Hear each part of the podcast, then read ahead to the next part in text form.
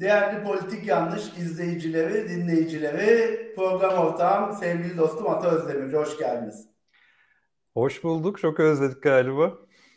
Gerçekten özledik. Yani bizim ikimizin e, bu program e, kulisteki konuşmamız ya da önceden haberleşmemizden tut da içimizde konuların birikmesi gerçekten de e, bu tartışma platformu bize özletti. Kısaca bir böyle flashback yapacak olursak aslında Birinci Ocak... sezonda neler yaşandı? Aynen öyle. Previously on politik yanlış diyecek olursak Ocak ayında böyle bir iki haftalık birkaç haftalık bir ara verelim dedik.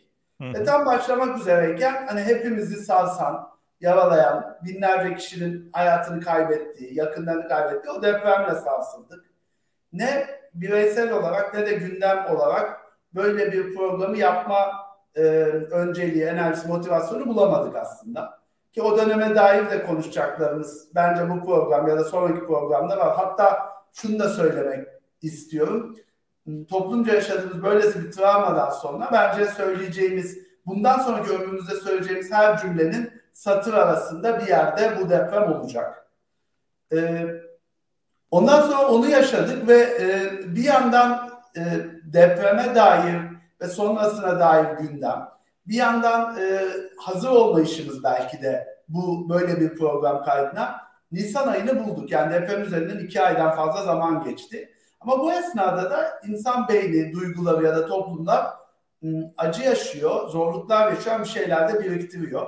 Ve yavaş yavaş bu biriktirdiklerimizi hem birbirimizle hem de dinleyicilerimiz, izleyicilerimizle paylaşma noktasına geldiğimi, vars geldiğimi varsayıyorum, tahmin ediyorum e, dilimde sürçüyor gerçekten 3 aylık aradan evet, sonra. Yani o, o hissiyat geldi. Uzun süredir halı saha maçı yapmayan dayılar gibi hissediyorum ben de. Kenarda kalbim çarpıyor ama 5. dakikada ayağı sekerek çıkacak. Ee, dil, dil sürçmeleri yaşanması çok muhtemel o yüzden evet. Hem hem e, teknik olarak e, aslında birçok minik detayı varmış. İşte mikrofon kablosunun e, kameradan görünmeden arkadan gö- döndürülmesinden işte kayıt programının ayarına kadar e, şimdiden sürçülisan edeceğizdir. Hem teknik olarak hem içerik olarak affola diyorum. Ama bir yandan da şunun için de e, teşekkür etmek istiyorum. Bir grup sadık izleyicimiz, dinleyicimizden motive eden mesajlar, ya özledik nerelerdesiniz, arıyoruz bulamıyoruz yorumları aldık. E, demek ki bir etkileşim, bir iz yaratmışız. O zaman değerli Ata Hocam ikinci sezonun başlama düdüğünü çalıyoruz hayırlısıyla. Haydi başlayalım o zaman. Aslında e, tam da girdiğimiz konuyla bağlantılı e, hayatın anlamını tabii ki de bu depremde e, ve sonrasında çok yaşadık, e, çok sorguladık. E, ölümler yaşandı. E, birinci dereceden, ikinci dereceden yakınlarının e, acılarını yaşayanlar oldu. Ve bir yandan da hızlı bir ayağa kalkma çabası oldu.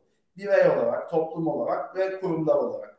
Şunu biliyoruz ki, ki birazdan da belki bahsetmek isterim şahit olduğum kadarıyla neler olup bittiğini. Şunu biliyoruz ki e, bu ayağa kalkma çabası aylar hatta yıllar sürecek. Sen geçen hafta Hatay'daydın galiba. Evet, geçen hafta Antakya başta Hatay'ın işte Samandağ, Defne bazı e, ilçelerini ziyaret ettim. E, 25 yıl önceki Gölcük depremine de şahit olmuş, yaşamış birisi olarak hem ölçek çok büyük, hem coğrafya koşulları farklı, e, muhtemelen yıllarca e, insanların altından kalkmasının kolay olmayacağı bir yıkım var. E, sadece Hatay'ı gördüm ve kelimelerle anlatmakta zorlanıyorum. Diğer şehirlerde eminim e, çok daha büyük geniş bir coğrafyaya yıkımlar var. E, bir şehri, bir kültürü, bir medeniyeti adeta sıfırdan kurmanın eşiğinde Antakya. E, sanırım tarihte de bunu defalarca yaşamış aslında. Birkaç yüzyılda bir Antakya'ya özellikle vuran depremlerden bunu yaşamış. Şimdi yine çok büyük bir mücadele var. Ama bugünkü konumuz buna değinecek olsa da ki değinmek isterim. Bunun biraz daha ıı, geniş bir konusu. O da şu. Böylesi durumlarda ya da hayatın genelinde sivil toplum ne yapar? Devlet ne yapar? Toplumlar böylesi yaraları ya da kimi toplumsal sorunları hangi kurumların katkısıyla ne ölçüde çözebilir? Kimin fonksiyonu nedir diye e, senle tartıştık ve bu tartışmayı istedik ki izleyicilerin huzurunda da yapalım. Yani konumuz STK ve devlet. Bunlar birbirine karşı mı? Bunlar birbiriyle entegre mi? bunlar birbirinin kardeşi mi, karşıtı mı? Bence konuştukça tayin etmeye çalışacağız. E, toz bulutu görevi bende. Her zamanki gibi. Ee, geçmişten bunun gelen yansıması zaten devletin bu kadar güçlü olmadığı dönemler. Çok uzun e, bin yıllar boyunca devlet bu kadar güçlü değil. Devlet vergi toplayan e, ve geri kalana da çok fazla karışmayan bir yapı. Devletin e, hegemonya kurduğu, e, eğitimden sağlığa pek çok şeyi üstlendiği aslında bir modern devlet e, pratiğiyle gerçekleşmiş şeyler. İkinci Dünya Savaşı'ndan sonra devlet başka şeylere de el, açıyor, el atıyor. Diyor ki ben sosyal riskleri de üstleneceğim. E, işte fakirlik problemi de benim problemim. İşte sokakta kalan köpekler de benim problemim.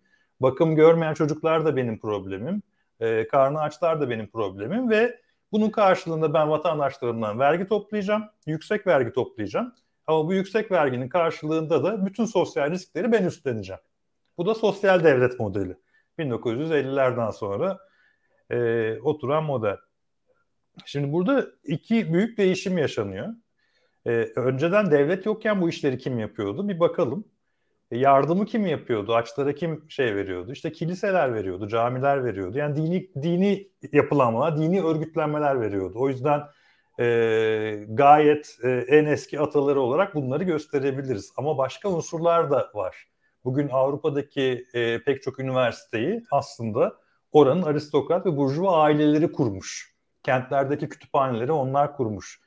Bilim derneklerini, e, bir sosa, çeşitli elit gruplar oluşturmuş ve toplumun elitleri aslında bir takım hizmetler vermiş e, toplumun geri kalanlarına şeyden sonra modern devletlerin kuruluşundan sonra e, özellikle sivil toplum kavramı başka bir boyuta taşınıyor. Bir vatandaşlık bilinci e, ile ben sadece benim tek görevim vergi vermek ve askere gitmek değil aynı zamanda ben e, kendi çözümlemek istediğim dertleri çözümleyebileceğim daha dinamik, daha küçük, daha odaklı örgütler kurabilirim ve bunları devletlerden daha iyi yapabilirim. Ayrıca e, devleti her şeyi teslim edersek devletin ceberrutluğuna e, da mahkum kalırız. E, devletin insafına mahkum kalırız. Politikacıların insafına mahkum kalırız. Ve o kadar hantallaşmış bir yapıdır ki devletin sosyal yardım mekanizması. Biz odaklanmış sivil toplum kuruluşlarıyla ekstra bağışlar, vergi dışında ekstra bağışlar toplayarak pek çok meseleyi çözebiliriz. Ee, diye fikirler üretilmiş sivil toplumu bir saniye kenara koyup devlet kapısından açtığın tartışmayı bir sürdürmek istiyor. Şimdi devletle işte hmm, aramızda yazılı olmayan bir vatandaşlık sözleşmesi var. Aslında yazılı versiyonu yazılı. Yazılı versiyonu anayasa evet. ama e, anayasa bunu tüm detaylarıyla da şekillendirmiyor. Bazı uzmanlıklara e, bırakıyor. E, fakat e, az önce söyledim devleti e, eskiden devlet mekanizması daha pratikmiş vergi alıp e, belki güvenlik sağlıyormuş, diğer sosyal hizmetleri, sağlığı, eğitimi sağlamıyormuş. Şimdi ise bütünlüklü paket veriyor ve daha yüksek e, vergi alıyor. E, sen performans yönetim sistemlerini çok uzmanısın. E, şeyi de e, ödülü de demokrasiler için konuşuyorum. Tekrar seçilmek ya da seçilmemek. Oy almak, alkış almak ya da almamak. Yani devletin alışılageldik tabiriyle iş modeli bu. Evet. E, fakat e, fakat günümüzde e, devletler e, ekstra bir güç aldı ve ayrı bir siyaset tartışması olabilecek bir konuda devletler e, özellikle büyük devletler ceberutlaştı. Yani dünyanın en büyük 5-6 ekonomisine baktığında bunun içinde Amerika'yı, Çin'i, Hindistan'ı, Rusya'yı sayabiliriz. Gerçekten de e, zor devlet mekanizmaları var. Hatta devlet bazı şeylerden de e, elini çekiyor. E, sosyal devletin e, doğduğu topraklar olan Avrupa dünya üzerindeki gücünü ve etkisini eskisi kadar e, eskisi kadar muhafaza edemiyor. E, devletlerin ben bir kriz içinde olduğunu yani ben değil herkes söylüyor zaten. E, ve devletler bu e, konuda konu eğitim olsun, konu böylesi bir doğal afet olsun, işte konu güvenlik olsun aslında vaatlerini tam olarak da tutamıyorlar. Evet. Ve bu e, devletlerin kötü yönetilmesinden de kaynaklanıyor evet. E, ama işin doğasından da kaynaklanıyor. Çünkü neden? E, bir yapının e, büyüdükçe e, hantallaşması bir doğa kanunu gibi bir şey. Yani e, ben ülkedeki e, bütün hayvan problemini çözen bir organizasyon kurayım ve bu organizasyon hayvanlarla ilgili her şeye el atsın, kararları o versin, e, işte bakımları yapıyorsa o yapsın vesaire. Şimdi bu varken neden bir sürü hayvanlarla ilgili dernek var? Çünkü onun kapsayamadığı pek çok problemi çözebiliyor. Daha bölgesel olarak sen kendi bölgende e, örgütlenip bazı problemleri, gözünün önündeki bazı problemleri çözebiliyorsun. Yani ölçeği küçültebiliyorsun. E, ve en önemlisi e, paranı takip edebiliyorsun. Ölçek büyüdüğünde, yapı büyüdüğünde vergi verenle verginin gittiği yer arasındaki uçurumu denetleyecek tek mekanizma meclis. Meclisler de iyi çalışmadığında sen paranın da yönünü takip edemez hale geliyorsun. Ve sivil toplum kuruluşları da e, devletin kurduğu e, yardım kuruluşları da koskocaman birer arpalık haline geliyor. Şimdi e, yine bir adım geri atacağım ve STK'nın da iş modelini tanımlamaya çalışacağız. Evet. E, STK'nın iş modelinde de e, vatandaşların ya da işte o STK'nın gönüllünün, gönüllülerinin çevresini e, nakit olarak ya da emek olarak ya da e, ayni olarak yaptığı bağış ve destekler para olarak toplanıyor. E, onun ödülü şey bence alkış ve takdir. Nasıl ki devletin ödülü yani artık şey pek kalmadı. E, böyle kur, kurucu e, babalar olmadığı için devletlerde artık e, adı çocuklara verilen böyle gururla anılan politikacılar pek kalmadı. E, onun onun yerine devletler başka bir güç ve statü elde ediyor. Tam tersine e, STK'lar iyilik meleği payesi elde ediyorlar. Hı hı. E, saygı görüyorlar, statü görüyorlar ve muhtemelen dinin yarattığına benzer vicdani bir rahatlama yaratıyorlar. Aslında bir de şu var, demin e, işte dinsel örgütlerden falan bahsettin.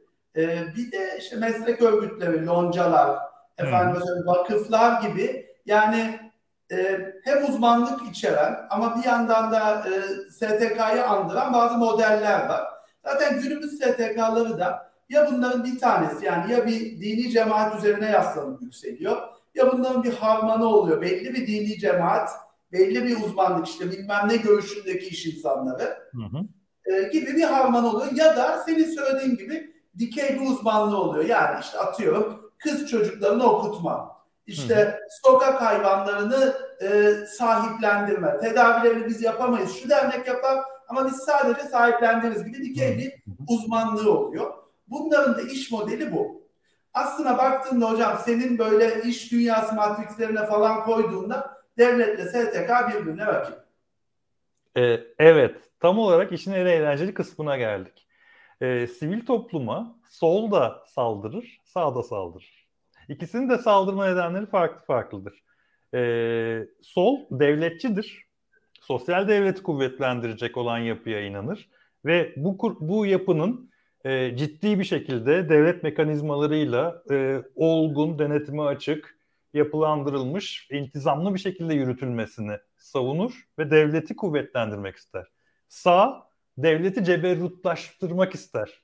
Ama şeydeki sağ değil, e, liberalizm anlamındaki sağ değil. Bizim bildiğimiz günlük anlamdaki sağ. Yani otokratik, e, otoriteryen sağ, e, devletin gücünü e, ayaklar altına alınmasını istemez. En istemediği şey şudur. Devletin koskocaman bir organizasyonu var. A, e, inanılmaz bir bütçesi var. Onun yaptığını 20 katını bir sivil toplum kuruluşunun sahada yaptığını ve toplumdan çok büyük bir meşruiyet kazandığını görmek istemez ve ilk saldırdığı şey bu olur. E, deprem zamanında doğrudan yaşadığımız şey bu oldu. E, ve hiç memnun olmadı orada sivil toplum kuruluşlarının olmasından. 1999 depreminde de e, ne, neydi? E, Akut. Ak, e, Akut'un ne kadar öne çıktığını ama daha sonradan işte e, Akut Başkanı Asıl Maliki'nin işte politik söylemlerin nedeniyle ne kadar üstüne gidildiğini ve Akut'tan zorla uzaklaştırıldığını falan biliyoruz. Devletin gözü sivil toplum kuruluşlarının üstündedir.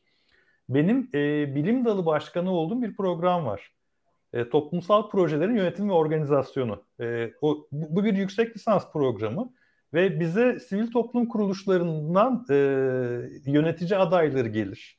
e, sivil toplum kuruluşlarına çalışmak isteyen profesyonel adaylar gelir. Bu alanda faaliyet göstermek isteyen öğrenciler gelir. E, ve pek çok partili öğrenci de gelir. E, her, her alandan e, ve devletin de gözü sivil toplumun üstündedir. E, en büyük baskıları sivil toplum kuruluşlarına kurarlar. E, yani demokratik e, taleplerin sivil toplum kuruluşları aracılığıyla geldiğini bildikleri için e, medya, sivil toplum e, gibi e, toplumun sesini duyurabileceği alanları mutlaka kısıtlamak ve üzerine hakimiyet kurmak ister. Ve toplumsal hareketlerin ortaya çıkabileceği şey olarak en büyük tehlike olarak yine sivil toplumu görür sağ iktidarlar. Dolayısıyla iki taraftan da aslında e, bakışlar, sert bakışlar doğrultulur. Bu adamların niyeti ciddi mi? Bu adamın aslında amacı ne? Arkasında kim var? Neden bize bu iyiliği yapıyor gibi şüpheci yaklaşımlar hepsinde vardır. E şimdi hocam diyalektik bir bakış açısıyla gidelim. Ee, işte devlet az önce saydığın vergi toplama karşılığında sana adalet, eğitim, sağlık, e, temizlik, efendime söyleyeyim işte peyzaj bir sürü hizmet veriyor. E, bunların bazılarını iyi yapıyor, bazılarını iyi yapamıyor. E, iki tane aslında şeyi var, e, rakibi var. Bir siyasi partiler, diğer siyasi partiler diyor ki sen iyi yapamıyorsun, bırak diyor bu görevi, ben daha iyi yapacağım. Bu bildiğimiz siyaset döngüsü. Bunu başka bir programda tartışacağız zaten. Hı hı. Diğeri ise şu. Bir devlet atıyorum işte sokak hayvanlarına besleme konusunda iyi değil. Orman yangınlarını engelleme konusunda mahir değil. İşte ne bileyim kız çocuklarını okutma konusunda titiz değil. Haliyle doğal bir tepki olarak o devletin en zayıf noktası sivil toplumun en etkin ve güçlü olduğu noktası oldu. Evet. Evet. Ve devletin en güçsüz olduğu noktayı onarmaya, hem eleştirmeye hem de onarmaya başlayan aslında işi siyaset olmayan, ne demek siyaset olmayan? Yani devlet yönetmek iddiasında olmayan insanlar sadece devletin e, zaafını, yetersizliğini söyleyip bunu onardığı için bir anda sen siyaset mi yapıyorsun, sen evet. devlet karşıtı mısın diye yaftalanıyor. Ama STK zaten doğallığında devletin en güçsüz olduğu yerde en güçlü olmak zorunda.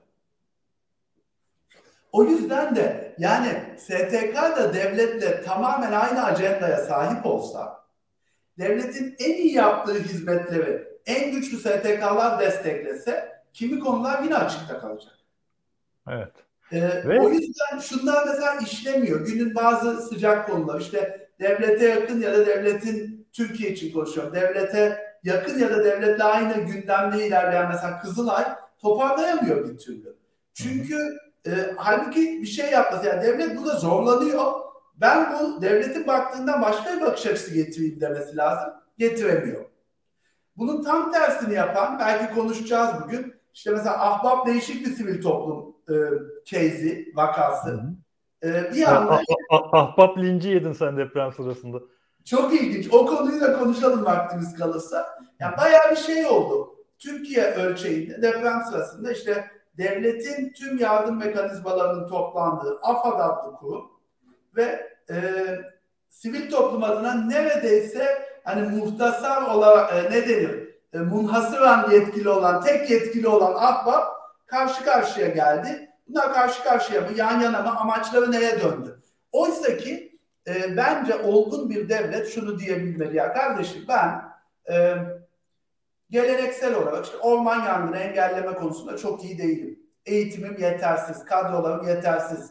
Yangınların ya e, yüksek olduğu bölgede işte yeterli devlet örgütlenmem yok ama orada sivil toplumun, sivil halkın bazı dayanışma kurumları var. Ben onları destekleyeyim demesi gerektiğini düşünüyorum. Ee, ama bunu diyen senin de söylediğin gibi ne sosyal demokrat, sosyalist devletler var ne liberal sağ devletler var. Bunu galiba sadece sen ve ben düşünüyoruz. e, tabii bu arada e, yüzde yüz bir aklama e, çabası olmasın. Sivil toplum aynı zamanda en büyük yolsuzluğun da döndüğü yerdir. E, pek çok e, devlet eliyle zengin edilmiş olan bütün zenginlerimizin birer vakfı da vardır. Bunun iki amacı vardır. Bir parayı farklı yollardan döndürmek ve vergiyi çevirmek. Ayrıntılarını anlatmayacağım. Gerek yok. Bilen biliyor zaten. E, ikincisi ise e, toplum nezdinde meşruiyetini sağlamak. Yani E, siz 5 sene, 10 sene, 15 sene, 20 sene devlet kaynaklı bir şekilde çok zenginleşirsiniz ve herkes bunu bilir.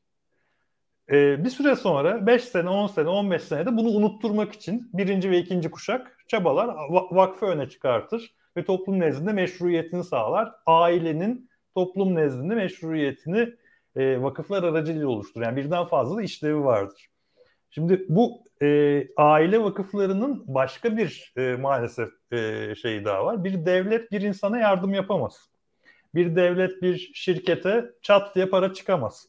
Ama devlet bir vakfa 50 yıllığına bir arazi tahsis edebilir. Devletin arazi tahsis ettiği vakıf bir şirkete kendi tahsis aldığı araziyi fahiş fiyattan kiralayabilir. E, bu ve benzeri yolsuzluklardan bahsediyorum. E, ama e, bir de aile meşruiyetini arttırma amaçlı kurulmamış olan e, ve gerçekten sivil inisiyatif, hakiki bir sivil inisiyatif olan bazı e, unsurlar var. Ahbap'ın gerçekten ortaya çıkışı böyle. E, ama asıl başarı ne olacak biliyor musunuz? 10 sene, 15 sene sonra da bu şekilde çalışabiliyorsa, burada çok ciddi sürdürülebilirlik problemleri yaşanması muhtemel. E, o ilk heves, ilk gaz kaçtığında gerçekten profesyonellere teslim edilmesi gereken işler, sivil toplum profesyonelleri, meslek profesyonelleri, e, finansal analizlerin yapıldığı, e, şeffaf bir şekilde IFRS raporlarının yapıl, yazıldığı, e, uluslararası standartizasyonu gerçekleştiği, hesap verebilir. Şu anki hesap verme modeli şu. İşte canlı yayını açıp işte 500 lira buraya yatırdık, 300 lira çok amatörce. E, böyle olması da çok normal. Ama bu işin sürdürülebilirliğinin sırrı e, sadece gönüllülerle değil, e, gönüllü profesyonel hibrit sistemlerle bu işi oluşturmak e, ve buradan geçiyor. Senin e, deprem zamanında linç yemene neden olan mevzu da buydu. Şimdi benim bu 10 cümleyle anlattığım şey sen bir cümleyle orada yazınca e, ya baba da mı bulaşıyorsun? Bir tek elimizde o kalmıştı. İşte e, istersen SAP ile yapalım, istersen şununla yapalım, istersen SAS kaydı açılsın, öyle satın alma talebi açılsın falan tarzı itirazlar geldi. Ee, doğru. Tam olarak da bu oldu. Okuyan olmuştu, okumayan olmuştu. Hala da arkasında durduğum bir şekilde eleştirdim. Çünkü o zaman bir sahnede işte ünlüler telefonla depremin ikinci, üçüncü gününde satın almalar yapıyordu. Bu ne sağlıklı bir model ne de sürdürülebilir bir model diye düşündüm. Ve ıı, bunun aslında tam söylediğim gibi hocam uzmanlarının yapmasının daha doğru olduğunu düşündüm. Sonrasında zaten gerçekten de işte Haluk Levent'in e, SAP ile anlaşmalıyız diye e, notlarını da gördüm. Efendim söyleyeyim beyaz yakalı uzmanlardan oluşan bir kadro oluştuğunu da gördüm. Hatta e, ünlülerin e, kendi uzmanlık alanı dışındaki yerlere girerek e, aslında bir kaos yarattığını da gördüm. Özellikle deprem bölgesinde. Çünkü hatır gönülle yürüyemeyecek kadar çok büyük ve karmaşık bir süreç var orada. Yani birkaç milyon kişinin hayatı var. Kimi şehirler, kimi ilçeler sıfırdan yoktan var ediliyor. Gerçekten burada uzmanlığa, şeffaflığa e, ve de işte e, kurumsallaşmaya ihtiyaç var. E, Ahbap gerçekten de son birkaç yılda sadece deprem zamanı değil, öncesinde de ülkece herkesin gönlünü kazandı. Haluk Levent sürekli Türkiye'nin en güvenilir insanı çıkıyor bütün anketlerde. Ki baktığında da Haluk Levent gençliğinde aslında e, her ne kadar hep böyle yardım konserleri falan yapsa da bir ara güvenilir imajı dipte olan bir sanatçıydı. Ama ara ara tutuklanırdı falan öyle bir şey var. Sürekli bir borç ne diye bir çekle e, polis gelirdi falan. Yani öyle ama amacı olmuştu. Senin az önce söylediğin bu varlıklı ailelerin yaptığı gibi hani imaj parlatma olarak çıktığını düşünmüyorum. Ama bir şekilde doğallığında ahbap sayesinde yakaladığı prestij onu Türkiye'nin en güvenilir insanı yaptı bütün anketlerde. E bu kadar da ödülü olsun böyle bir yardımlaşma. Yani içsel tatmin ve dışsal tatmin ödülü de olsun. Çünkü hiç e yani bu ikisi de bu ikisini de çıkartınca geriye bir tek şey kalıyor. E, misyonerlik kalıyor. E, orada da yani öteki dünya için çalışmak veya bu dünyada inandığı misyon için çalışmak gibi e, radikal ideolojik bir inanç sisteminin üyesi olman lazım. Veya e, sevap point için çalışıyor olman lazım. Hepsi kabul, hepsi başımızın tacı. E, ama içsel ve dışsal tatmin için çalışmak e, ama sadece bunun için değil gerçekten doğru olduğuna inandığın şey için çalıştığında sonucunda böyle bir duygunun gelmesi de e artık yadırganacak bir şey değil. O kadar da olsun. Bir insanda bir manevi e, bir e, tatmin yaşasın. Bu da ayıp bir şey değil. Kesinlikle katılıyorum. Kesinlikle destekliyorum. Zaten başka bir motivasyonu yok. Yani e, ideal bir dünyada, düzgün işleyen bir STK'da e, para kazanmıyorsun. E, zamanın ciddi bir kısmını e, kısıtlı kaynaklarla problem çözmeye alıyorsun.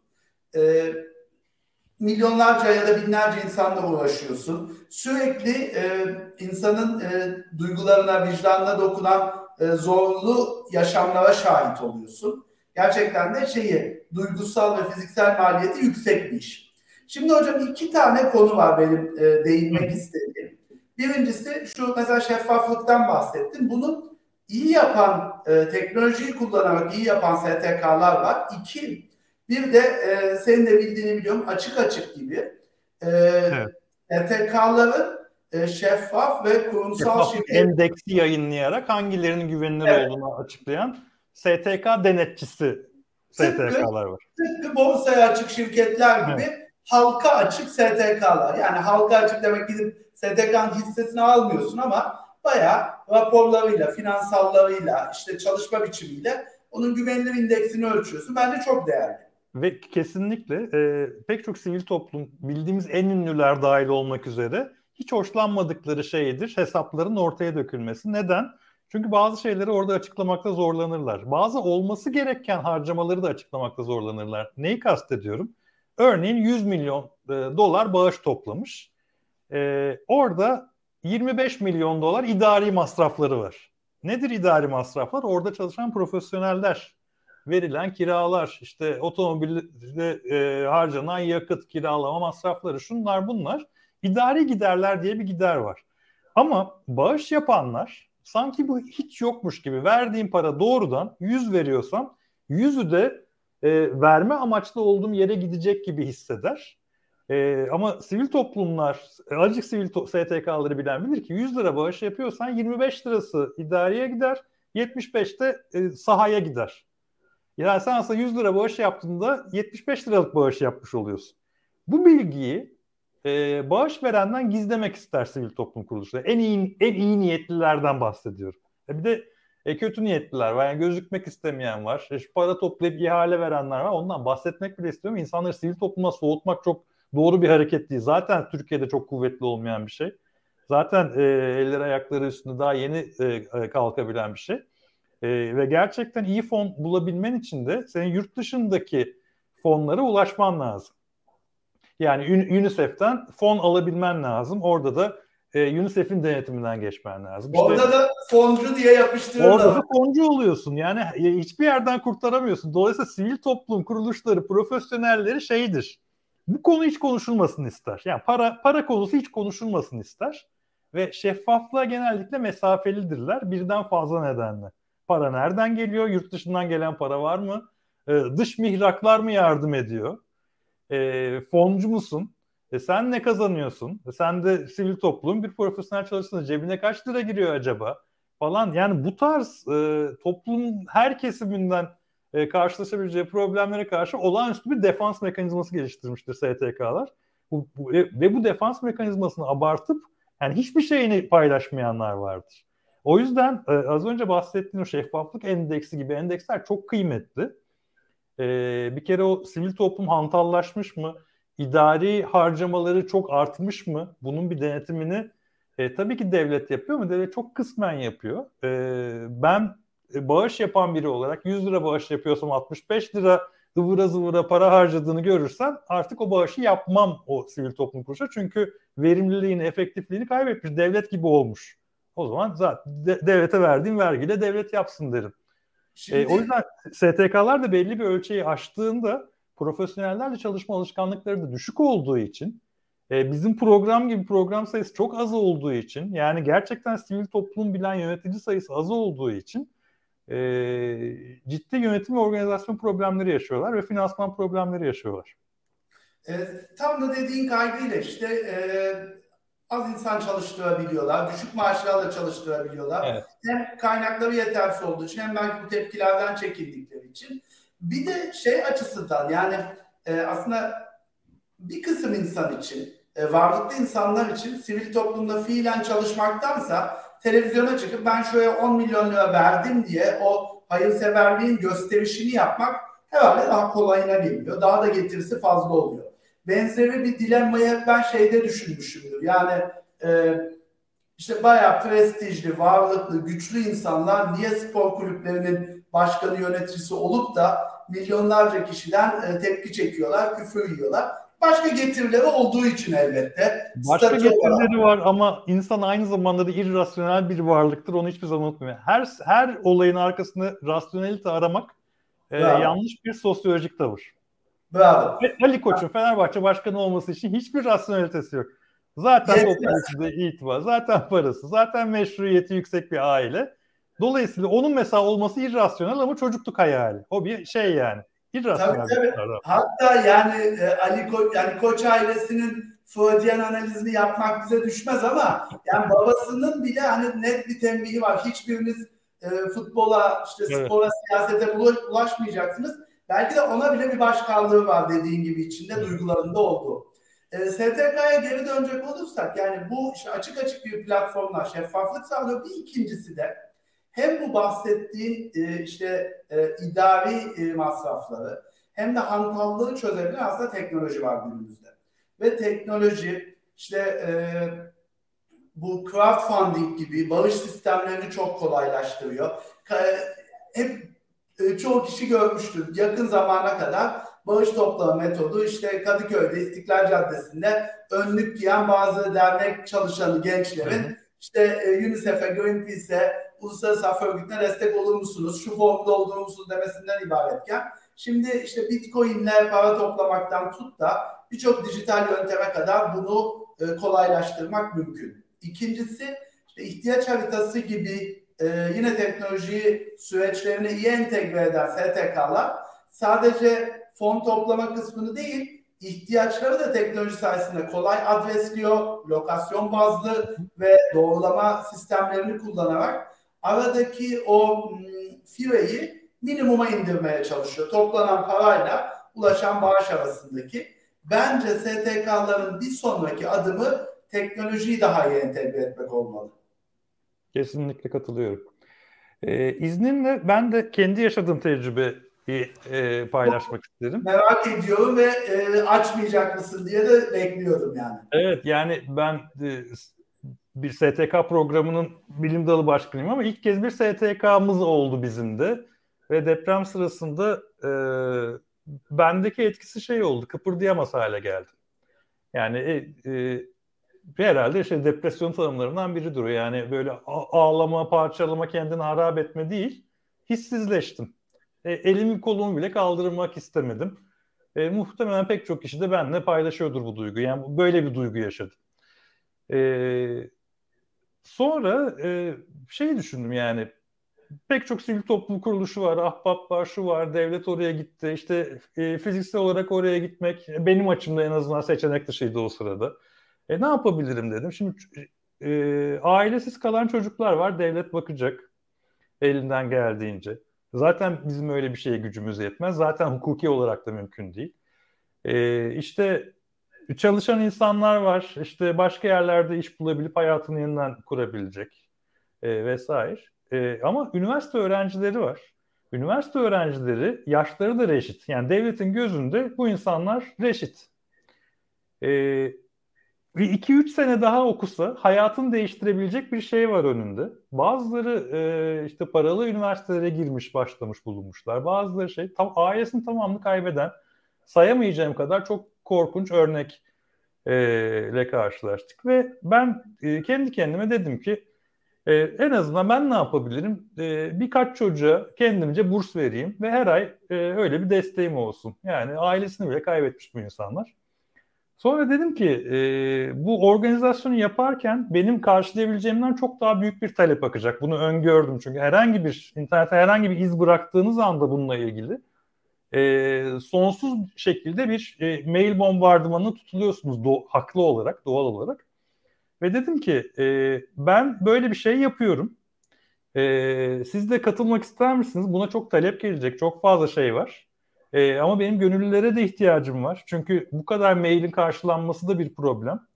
E, benle birlikte burs vermek isteyen var mı? Varsa ben para falan toplamayacağım. E, depremzede çocukla bağış vereni eşleştireceğim. E, dolayısıyla bir dernek falan da olmadığımız için öyle bir şeyin hukuki olmadığını da bildiğim için dedim ki e, ben organizasyonu yapmıyorum. Sadece gelen maillerle burs veririm diyenleri eşleştireceğim. Gelen maillerin ise ne kadar doğru, ne kadar sahih olduğunu bir ön kontrolü ve ön mülakat gerekecek. Bunun için de gönüllülere ihtiyacım var dedim. Ve sağ olsun benim az önce bahsettiğim yüksek lisans programındaki eski öğrencilerim, e, bazıları çok büyük sivil toplum kuruluşlarında üst düzey yönetici, bazıları çok başlangıç pozisyonunda. Bir tanesi yurt müdürü, bir tanesi Yeşilay'da profesyonel, bir tanesi eskiden Kızılay'da çalışıyor falan. Böyle bir ve şu anki lisans öğrencilerimden e, bir 15-20 öğrencim dedi ki biz gönüllü oluruz hocam. Ve hemen hızlıca iş bölümünü yaptık. E, işte mailleri tasnif edenler, e, işte e, sabıka kaydını kontrol edenler, öğrenci belgesini kontrol edenler, ilk mülakatı yapanlar diye şöyle bir e, bize e, 900'e yakın öğrenci başvurdu. Bu 900 öğrenciyle birlikte e, 150'ye yakında burs veren başvurdu ve burs verenler de birden fazla verenlerle birlikte 200 çocuğu e, attığım bir LinkedIn postu sayesinde 200 çocuğu burs sahibi yaptık. E, ama şöyle talepler gelmeye başladı. Ya ben e, 12 ay birden veremem, işte, takip edemem, e, şey yapamam, ya, toptan vermek istiyorum. Biz hepsine hayır dedik. Şirketler geldi. Ee, biz 20 öğrenciye yardım etmek istiyoruz şirket olarak ama bunu doğrudan şahsa çıkamayız. Bir derneğiniz var mı? Ee, ben bir kerelik bağış yapacağım beni uğraştırmayın. Ya da Almanya'dan parayı transfer edeceğim. Her seferin transfer parası siz alın parayı siz verin diyenler oldu. Bunların hiçbirine evet demedik, diyemedik. Ama dedik ki madem böyle bir şey var, madem karşılanmamış 800'e yakın talebimiz var, biz bir dernek sahibi olalım, dernek kuralım dedik. E, ve derneği de kurduk. Şey gibi e, gibi bölümündeki yani kokoreççi sahibi oldu. Böyle bir işe girdiğimiz için bir derneğimiz oldu bizim. E, bir dükkan kiralamak gerekiyormuş. Onu bulmak da zor bu arada. Dükkan kiralandı. İşte herkes dernek sen vermiyor falan. E, o, o süreci baştan sona yaşadık. Şimdi o derneğimiz de e, bizim kuruldu. Resmi olarak onaydan da geçti. Bir banka hesabı açarak en azından o bize başvurmuş olan diğer öğrencilerin de ihtiyacını karşılayacağız gibi gözüküyor. E, böyle bir tecrübem oldu. Ama derslerde anlattığımız pek çok şeyi yaşadık. Mesela ilk başta gönüllü olanların yarısı yolda döküldü. İş yoğunluğundan bir sarsaklamaya başladı. Şey, birisinin sürece sahip çıkması gerekti. Yani ben hiç istemeye istemeye görev dağıtmak zorunda kaldım. Sen bunu yapacaksın, sen bunu yapacaksın. Sen düştün mü tam senin yerine e, bir daha gönüllü çağrısında buluyorum. Senin yerine şey, üçünüz bunu yapacaksınız görev veren bir insan olmak zorunda kaldım. Çünkü birisini derleyip toplaması gerekiyor. Ee, başka ne oldu? Burs veririm diyenlerden bir yüzde beşlik dökülme oldu. Yani o ilk depremin acısıyla e, ben varımı yoğumu veririm diyen insanlar iki ay sonra burs verdiği öğrenci unutanlar da oldu. Gibi hiçbirisine kızmadım. Hepsi insanın doğası. İnsanın doğasıyla ben kavga etmem e, sistemlerin insan doğasını da göz önüne alınarak kurulması gerektiğini savunurum. İnsan doğasını değiştirmeye de çalışmam. Dolayısıyla insan madem böyle bir varlık, e, biz şöyle bir yapı kuralım ve e, elden geldiğince bu problemi çözebilelim. E, her ay burs veremeyenlere de kızmayalım. Yerisine işte e, yolda bırakanların yerisine de yeni burs veren bulalım falan diye çözümcü yaklaşımlarla gittik. Buraya kadar geldik. Yani bana yardımcı olan 15-20 ee, öğrencime de buradan çok teşekkür ederim. Burs verenlere çok teşekkür ederim. Ama hal, hala ihtiyaç var. Bunu da belirtmek isterim. Güzel bir güzel bir hikaye oldu. Ben de kıyısından bu hikayenin e, çevresinde olduğum için kısmen şahit oluyorum. Elinize emeğinize sağlık. E, bir yerde aslında e, merkezi planlamanın ne kadar önemli olduğunu da senden duymak benim hoşuma gitmedi değil yani hocam. Da, daraltılmış merkez. Yani... Bak e, öğrencilere burs veren kaç tane sivil toplum kuruluşu var? En az e, 100 tane sayarsınız. Vardır. Şimdi e, onlar da dinamizmini kaybetmiş durumda. Yani böyle bir organizasyonu bizim hızımızda yapmaları mümkün değil. Çünkü talep bir kere onlara çok fazla yığılıyor. Eleme süreçleri çok yoğun. İşte yönetim kurullarına giriyor, onay mekanizmaları var vesaire vesaire. Bizim yaptığımız e, hadi sabıkasına bakalım, öğrenci kaydına bakalım, kendi beyanını okuyalım, bir de mülakat yapalım, çat birbirine eşleştirelim. Hocam bu, bu hız E, muhtemelen biz de bir 3 senelik dernek olsak ve 200 kişiye ulaşsak burası da yavaşlayacak. Yani yani bu dediklerin aslında katıldığım yerlerde ve katılmadığım yerlerde işte orman yangını olduğunda evet belki o bölgenin yerel halkı gönüllü olarak kovalarla bütün itfaiyelerden daha hızlı erişir ama toplamda bizim amacımız o itfaiyeyi güçlendirmektir. Yoksa yerel halkın kovayla dökeceği suyla hmm, ancak acil e, yani ilk pansumanı yapabiliriz sorunlara. E, senin de amacının aslında böylesi bir travmatik durumda ilk bir pansuman yapmak olduğunu bildiğim için e, bu ihtiyaçla o model e, örtüşüyor. Evet. Fakat ben, ben sivil toplumun destekçisi olan bir insan olarak sivil toplumun güçlenmesi gerektiğine hatta e, genel kanın e, genel kanıya aykırı biçimde ya sivil toplum dernekçiler siyaset yapmasın. Hayır dernekçiler siyaset de yapsınlar. E, ama siyaseti bir dernek olarak yönetemez. E, eğer e, ülkeyi yönetmeye adaysa gitsin parti kursun. Ama siyasi görüşü olmalıdır da olabilir de zaten devletin e, yaptığı ya da yapamadığı bazı fonksiyonlara çözüm üretmek hiçbir şey yapmasan da siyasidir. Hiçbir görüş beyan etmesen de siyasidir. E, ideal devlet, dünyada öyle bir devlet var mı bilmiyorum. İdealde devlet, işte Eflatun'un yazdığında da herhalde e, vatandaşın ihtiyaçlarını düşünmeli, önceden fark edip e, dindirmeli. E, böyle bir devlet binlerce yıllık e, devletler tarihinde ben görmedim. E, devletin hep zaafları olacak.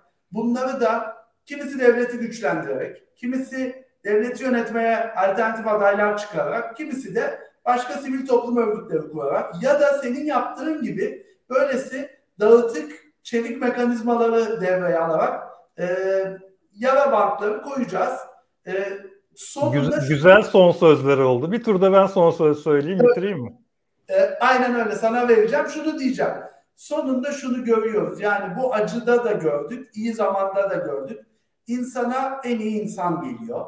E, evet. Zor durumdayken, ihtiyacımız e, varken e, birilerine sarılmaya ihtiyacımız var. E, deprem bölgesine Antakyalı bir arkadaşımla gittim. Bir uzmanlığım yok. Yani e, ne bileyim çocuklara resim atölyesi yaptıramam. İşte ne bileyim binlerce kişilik aşevinde yufka açamam. E, yapamam böyle uzmanlıklarım yok. Ne yapabilirim diye sordum. O da başka bir dernekte çalışıyordu. Birinci ihtiyaç dedi aslında oradaki insanların anlatmaya ihtiyacı var. Gidelim dinleyelim. Hmm. O kadar o kadar yalnız ve çaresizler ki iki aydır. Ben de bilmiyorum. Biz bir sihirli çözüm paketiyle gidemeyiz. Gidelim dinleyelim. Ee, bir küçük örnek de oradan vereceğim. Çok minik ama duygulandıran bir çalışmaydı o da. Ee, ben de orada bir dernek e, aracılığıyla gittim. Ve bu Dünya Evimiz Derneği şöyle bir şey yapıyordu. Yani akla gelmez ama e, kimi ihtiyaçlar e, tatmin oluyor. İşte çadır, evet çadırsızlık çok zor. Ama bir kere çadır temin edildi mi çadır sorunu aslında bitmiş oluyor. Fakat kimi ihtiyaçlar her gün yeniden başlıyor. En önemlisi de ekmek. E, su bile su bile hazır geliyor kamyonlarla bir şekilde. Fakat ekmek üretmek, her gün üretmek, her öğün üretmek zor bir iş. Ve e, yok yani fırın yok, dağıtacak kamyon yok, şu yok, bu yok. Hala mı yok? Hala yok, hala yok. E, şöyle bir şey yapmışlar mesela, yöre, yörenin kendi geleneğiyle ihtiyacı birleştirmişler. Antakya'daki evlerin bahçesinde geleneksel tandırlar varmış. Böyle kuyu şeklinde bir fırın.